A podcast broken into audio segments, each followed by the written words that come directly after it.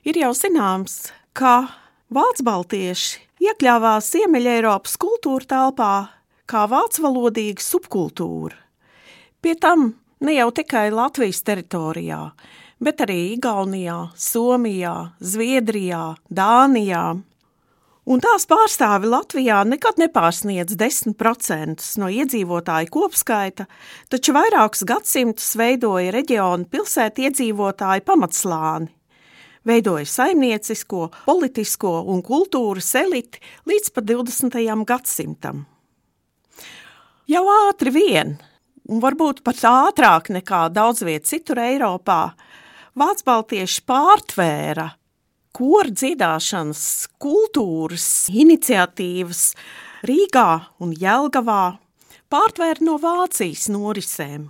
Pārtvēra arī Sanktpēterburgā, kur bija milzīga vācu kopiena un e, izcili pamati, lai veidotos šī kultūras līnija un dziedāšanas tradīcijas. Salīdzinoši ļoti agri, jau 1819. gadā Jelgavā tiek dibināta līdertāfela biedrība, un tas, kā jau es minēju, ir ļoti agri Eiropas kontekstā.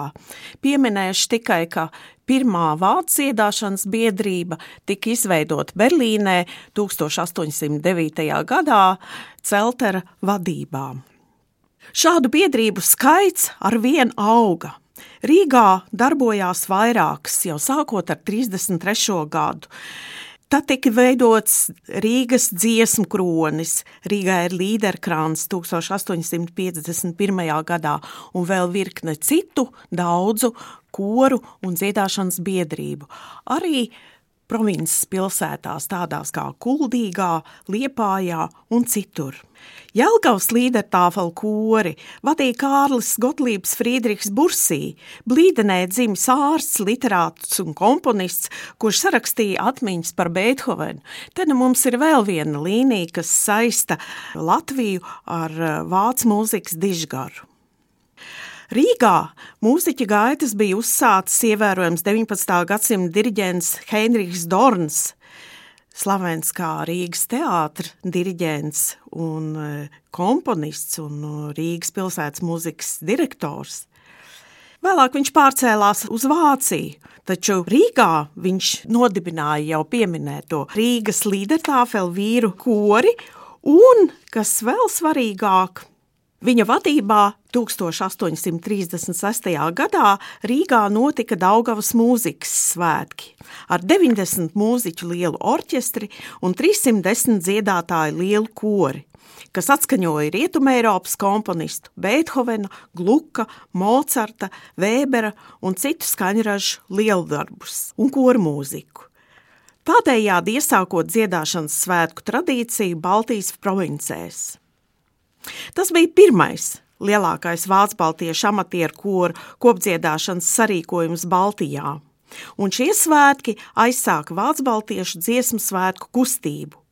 Daļu repertuāra veidoja vācu baltiešu komponistu kompozīcijas, jo no vienas puses viņi pieslējās vācu kopīguma idejai, taču no otras meklēja un centās apliecināt savu īpatnēju baltisko identitāti. Turpmāk notiekošajos svētkos Rēvelē, jeb Tallinā, Rīgā 1861. un 80. gadā nostiprinājās svētku norises pamatmodelis – divi kopkora koncerti, garīgais un laicīgais, visu dalībnieku parādes gājiens pa pilsētas ielām un kora sacensība. Tas ir modelis, kas tiek pārņemts arī latviešu svētkos, tāpat kā sākumā ievērojama daļa šo Baltijas vācu svētku repertuāru. Taču bija arī viena atšķirība, proti, Latviešu dziesmu svētkos šis repertuārs jau skanēja latviešu valodā, jo latviešu dziesmu svētkos valodas faktoram bija milzīga nozīme.